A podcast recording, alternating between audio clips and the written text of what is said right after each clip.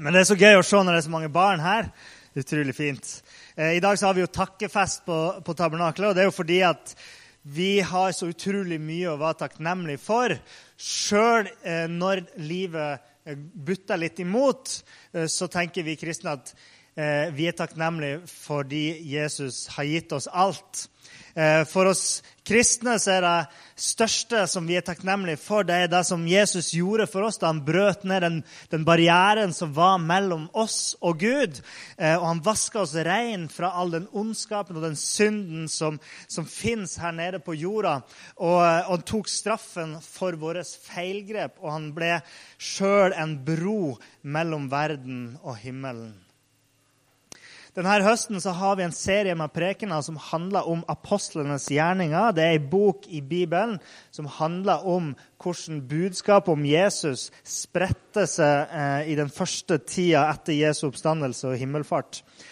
Og Det betyr at i denne boka så møter vi lederne for eh, den kristne bevegelsen, altså apostlene, og noen av de første kristne. Eh, og vi kan lese om hva som preger livet deres og hvordan troa forandra de og menneskene som de møtte.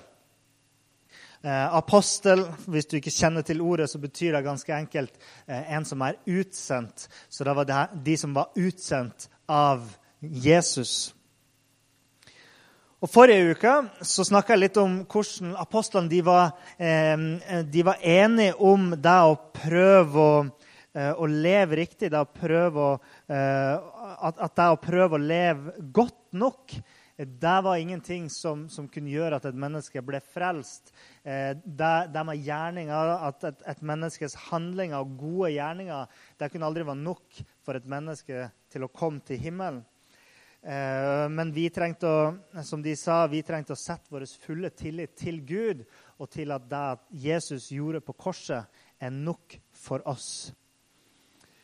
Vi plukka opp tråden derifra, og overskrifta i dag er 'Ikke av menneskers hender'. Og Da leser vi fra kapittel 17 i Apostelens gjerninger i dag.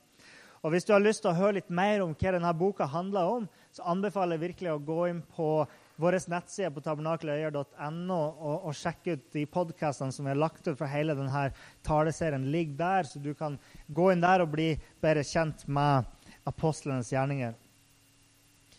Vi tenker kanskje sjeldent over det, men det er ganske utrolig at vi har fått det budskapet om Jesus helt opp til vår del av verden, der det nesten ikke bor noen folk oppi denne skogen på dette fjellet i nord.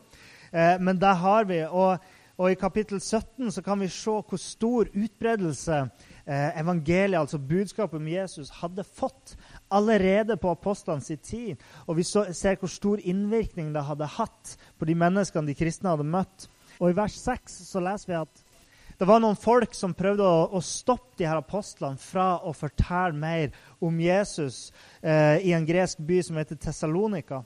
Eh, og de ropte ut til alle i byen, så ropte de her motstanderne av de kristne. Disse som har snudd verden opp ned, er kommet hit også.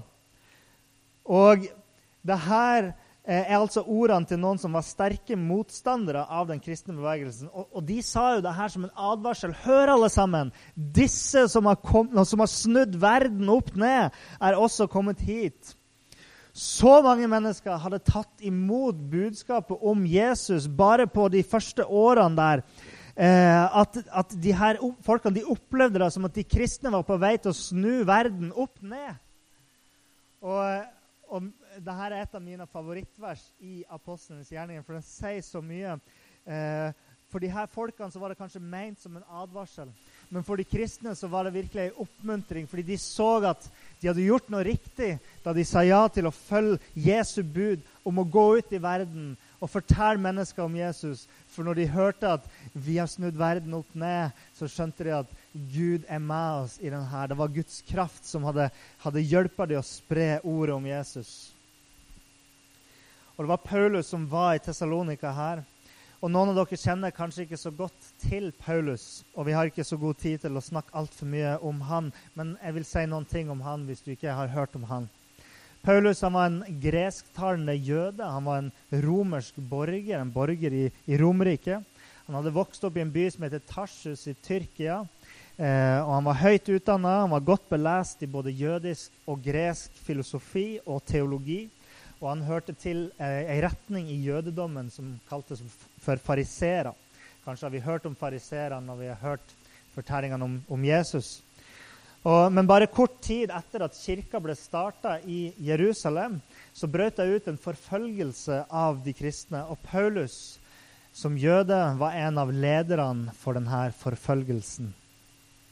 Men Paulus han opplevde å ta en 180 graders omvendelse da han var på vei til Damaskus for å leite opp flere kristne som han kunne sette i fengsel og ta livet av. Eh, og På veien dit så møtte han den oppståtte Jesus. Og etter, det, etter dette møtet med Jesus så viet han resten av sitt liv til tjeneste for Gud.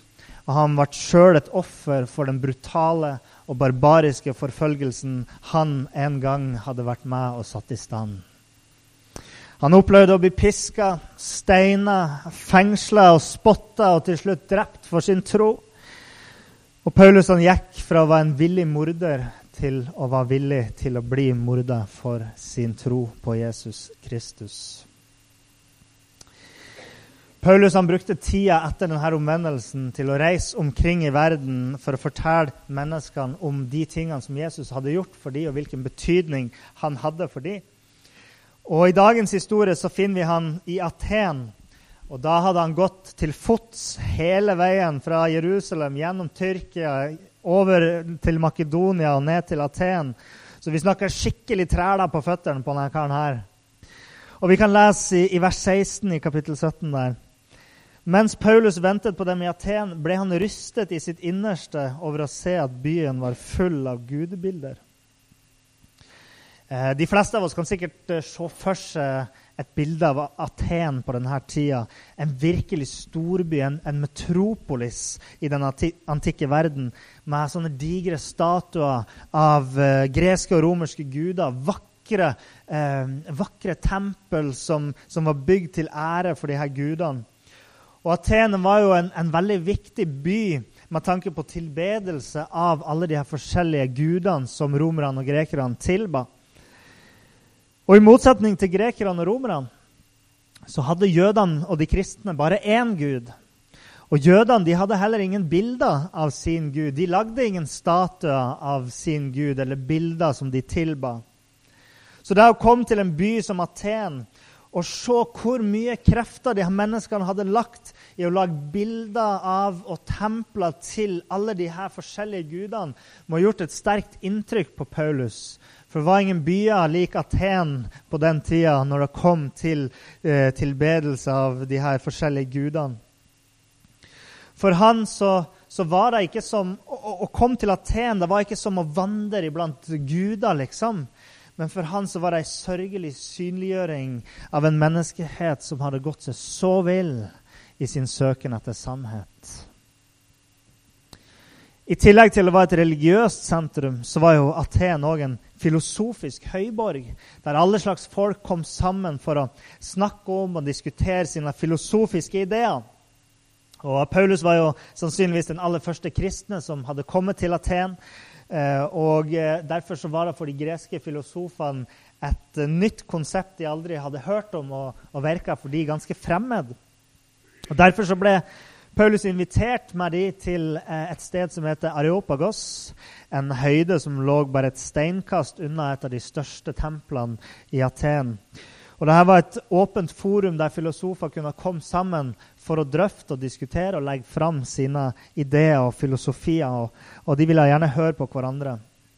Så når de hadde tatt han med seg dit, så leser vi vers 19 og, og utover at de sa Kan vi få vite hva slags ny lære du kommer med? For det er merkverdige ting vi hører, og vi vil gjerne vite hva det egentlig dreier seg om. Verken atenerne eller utlendingene som bor der, bruker tiden til noe annet enn å fortelle og høre siste nytt. Et lite stikk til filosofene der. De var jo filosofer og brukte all tida si på å stille sånne dype spørsmål som Hvorfor? Hvorfor hva? Nettopp. Aha, dype spørsmål. For dypt til at vi greier å gripe hva de snakker om. Hvorfor? Så filosofens søken etter sannhet det speiler et trekk hos oss alle. Vi lengter etter mening. Hvis det er én ting som definerer min generasjon, eh, så er det en lengsel etter mening. Og siden vi tror at sannhet er relativt, det gjør jo ikke søken etter mening lettere for oss. Det at vi alle kan velge vår egen sannhet. Derfor ender vi ofte opp med å bare tenke at den meninga vi har, den har vi bare i sånne midlertidige ting. Hvis jeg bare kan få meg en god nok utdannelse, hvis jeg bare kan få en å dele livet mitt med, hvis jeg bare kan, eh, kan, få den forfremmelsen, hvis jeg bare kan få barn, hvis jeg bare kan få den bilen eller det huset. Og Filosofene de fant ikke den dypeste meningen i noen av disse tingene, så de fortsatte og søke og lete stadig dypere etter den dypeste sannhet, bare for å igjen og igjen oppdage at i det dypet de kom til, så fant de aldri mer enn en hunger etter stadig mer. Og Derfor så leter de hele tida videre etter sannheten, og de ville høre på, på, Paulus og hva det var han sa, fordi at de hadde en lengsel etter å se om har, Kanskje ikke jeg har funnet svaret, kanskje er det noe som er enda dypere. For de hadde en lengsel inni seg. De hadde ikke blitt tilfredsstilt av sine egne ideer. Og Da holder Paulus en preken på Areopagos foran alle de her filosofene i Hellas, de her vise menn i Apostlenes gjerninger 17 fra vers 22. Og Paulus sier Atenske menn, jeg ser at dere på alle måter er svært religiøse. For da jeg gikk omkring og så på helligdommene deres, fant jeg et alter med denne innskriften. For en ukjent Gud. Det som dere tilber uten å kjenne, det forkynner jeg dere. Paulus han begynte med å fortelle hva han hadde observert i byen deres. Og Vi vet ikke akkurat hvor lenge han hadde vært der i Aten. Men han hadde vært der lenge nok til å ha gått rundt i gatene og blitt kjent med byen uh, og sett seg omkring. Og Vi hørte jo hvordan han reagerte da han gikk der alene og så på alle de her gudbildene. Men her så får vi vite at det var ett et spesielt monument som virkelig fanga oppmerksomheten til Paulus. Og det var det her tempelet for en ukjent gud. Hvorfor tilba de en gud som de ikke visste hvem var? Og Det var nesten som om Gud hadde gått Paulus i forveien og på et eller annet tidspunkt gitt en eller annen greker en følelse av at kanskje de gudene vi tilber, ikke er alt. La oss sette opp et tempel for en vi ikke vet hvem er, i tilfelle han er der. Og For Paulus var dette en mulighet til å fortelle dem om den sanne Gud, han som var ukjent for dem. For oss så blir de her gudebildene alle de tingene som vi tillegger så stor betydning at vi kaller det meninga med vårt liv. Men jeg tror samtidig at mange som ikke kaller seg superkristen, eller ikke kaller seg engang kristen, iblant kan ha satt av et lite rom inni seg som de holder av for Gud, sånn bare i tilfelle. sant? Kanskje tenker du de gangene du har besøkt kirka, at uh, tanken har slått deg at kanskje er det noe mer. Kanskje er det en Gud der ute. Men du sier til deg sjøl at men i så fall så er jo jeg et godt menneske. Så hvis det er en Gud der ute, så kommer jeg nok til himmelen uansett. Har du forresten tenkt på, på det at alle mennesker med respekt for seg sjøl, de tror at de er gode? Sjøl de verste menneskene du kan tenke deg til, de tenkte jo at det de gjorde, var rett. De så på seg sjøl som god. Og det kan jo være en øyeåpner for oss som sier at Men jeg er jo god. Han Paulus han fortsetter preken sin, og han sier det her. Gud han som skapte verden og alt som er i den. Han som er herre over himmel og jord. Han bor ikke i tempelet reist av menneskehender. Han trenger heller ikke noe av det som menneskehender kan tjene ham med. Det er jo han som gir liv og ånde, ja, alt, til alle. Paulus han peker på Guds storhet. Og Gud han kan ikke begrenses av noe bygg som vi mennesker har satt opp. Og Gud han er heller ikke avhengig av de gjerningene og handlingene som vi mennesker kan gjøre. Petter Dass, presten med det morsomme navnet, han sier det så godt i en av sine mest kjente salmer. Gud er Gud, om alle land var øde. Gud er Gud om alle mann var døde. Gud, han var den samme Gud før verden ble til. Han er fullstendig.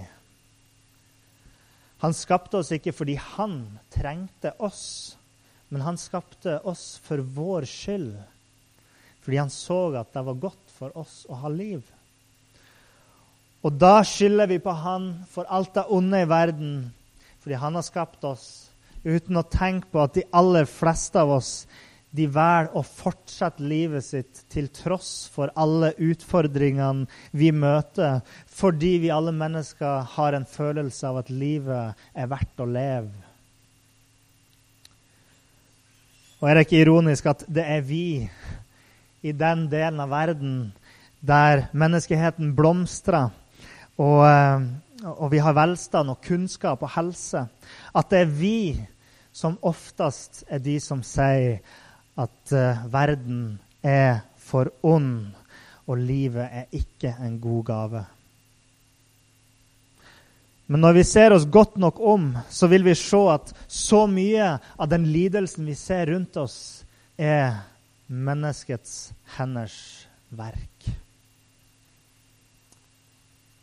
I Salme 14 der står det fra himmelen ser Herren ned til menneskene for å se om det finnes noen som er vis, noen som søker Gud. Alle har vendt seg bort.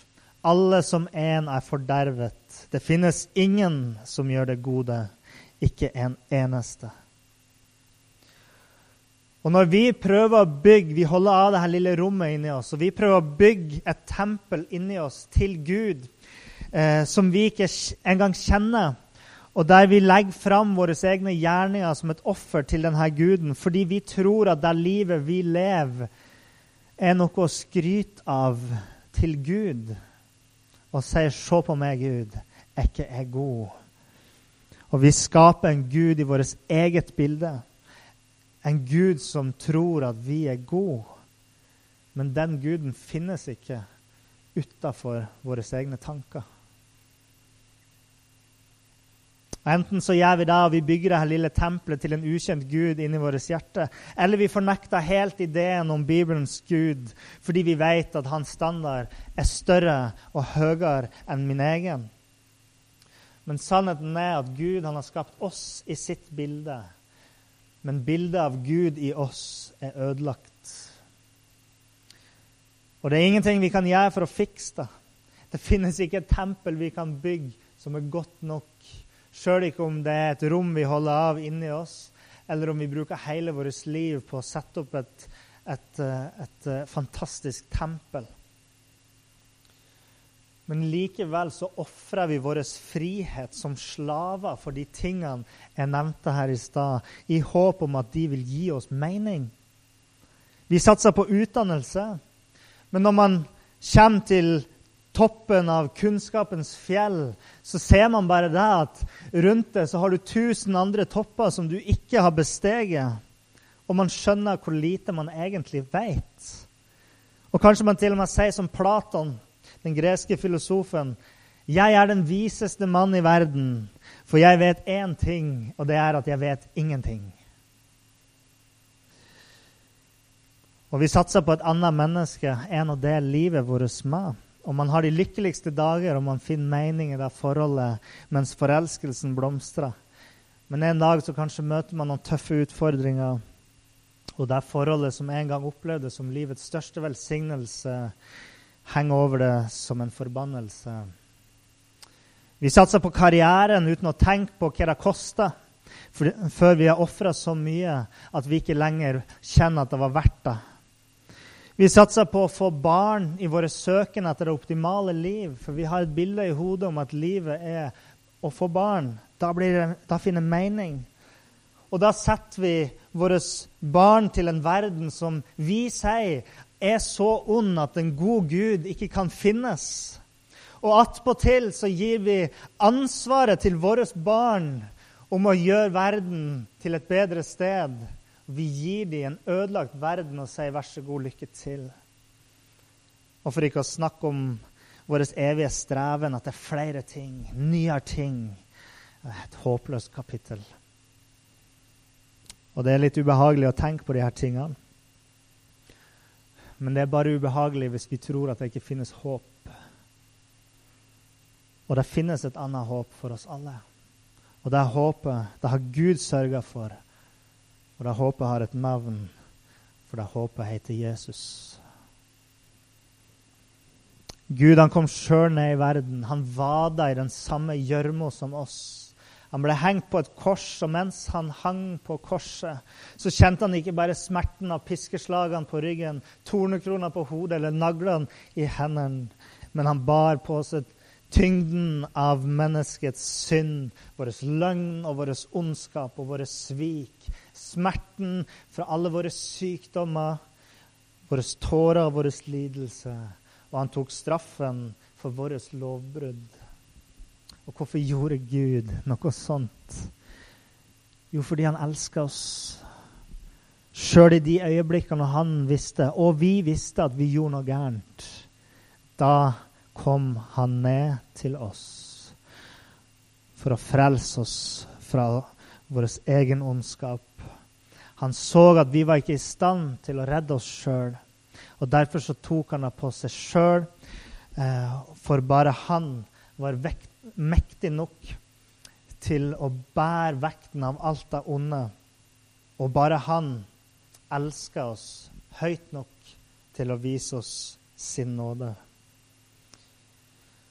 For i motsetning til det mange tror, og i motsetning til det bildet som males av kristne i populærkulturen i dag, så, så tror vi ikke at det å være en kristen er å, å, å leve opp til en uoppnåelig standard for at vi skal vise at vi er så gode at, eh, at, at vi blir frelst ved våre egne gjerninger. Og Derfor forventer vi det heller ikke av hverandre at vi skal være perfekt i alle ting. Men det handler om å overgi vårt liv til Gud. At du ikke stoler på dine egne henders verk, men at du setter din fulle tillit til at Han er nok for deg. Og Gud han tilbyr ikke fordømmelse til deg i dag, men han tilbyr deg tilgivelse og nåde. Gud tilbyr oss ikke flere byrder å bære, men han tilbyr seg å bære dine byrder. Jeg sier nesten som Platon, men ikke helt det samme. Jeg er den viseste mann i verden, for jeg vet én ting, og det er at det finnes frihet hos Jesus. For som Paulus sa i denne talen han holdt til filosofene i Aten For det er i ham vi lever, beveger oss og er til.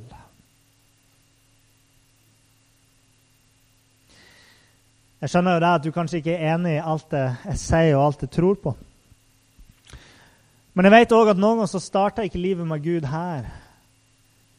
Men det starter ved at Gud rører ved noe inni her.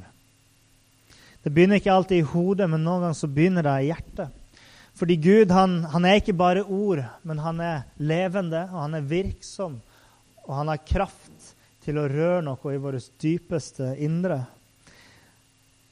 Kanskje har du noen gang, til og med uten at du tror på Gud i det hele tatt, kjent deg sliten og savna mening, eller tenkt tanken at, at eh, det kanskje hadde vært fint hvis det var et eller annet der ute og håper at kanskje Kanskje.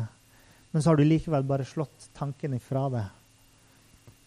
Og da vil jeg gjerne gi den invitasjonen som du kanskje aldri har fått før. Og jeg vet ikke hvor mange muligheter du vil ha til å få den invitasjonen igjen. Men det er en invitasjon til å finne ut hvem du virkelig er, og oppdage hvem Jesus virkelig er. Og det er en invitasjon til evig liv. Jeg gir en invitasjon til Guds nåde og tilgivelse, og til å ta imot hans kjærlighet og fred. Og hvis du velger å si ja til han og ta imot Guds nåde og tilgivelse, så handler det ikke om hva du skal gjøre eller ikke gjøre på de søndagene som kommer framover. Men det handler om noe som vil forandre hele livet ditt. Jeg har lyst til å gi deg muligheten i dag til å ta et skritt nærmere Gud. Kanskje kjenner du at du har lyst til å si, som noen av filosofene sa etter å ha hørt Paulus Vi vil gjerne høre deg tale mer om dette en annen gang. Eller kanskje kjenner du enda dypere at Gud rører ved det, og at han ønsker å gi deg et liv i Jesus, og at du ønsker å tro på han. Og Da trenger du verken å rekke opp handa eller, eller, å si noen ting. Men hvis du har lyst til å smake på det livet som fins i Jesus, så kan du si et stille ja inni det. Og så kan du be denne bønnen sammen med meg. Gud, jeg kjenner at det er noe som mangler i mitt liv. Alt jeg har og alt jeg vet, er fortsatt ikke nok for meg. Og nå så kommer jeg til det med et håp om at du er veien til livet. Og jeg skjønner at jeg har gjort ting som er ond i dine øyne. Og jeg skjønner at jeg har synda imot det.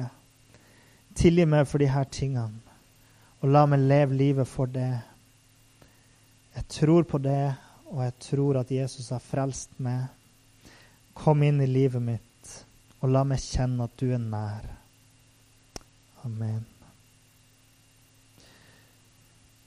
Hvis du akkurat ba denne bønnen inni deg, eller at du har andre ting du ønsker at vi skal be for, om det er sykdom eller hva det skulle være, så er det selvsagt mulighet for deg. Du kan komme og sette på, på fremste rad her, så vi ser det.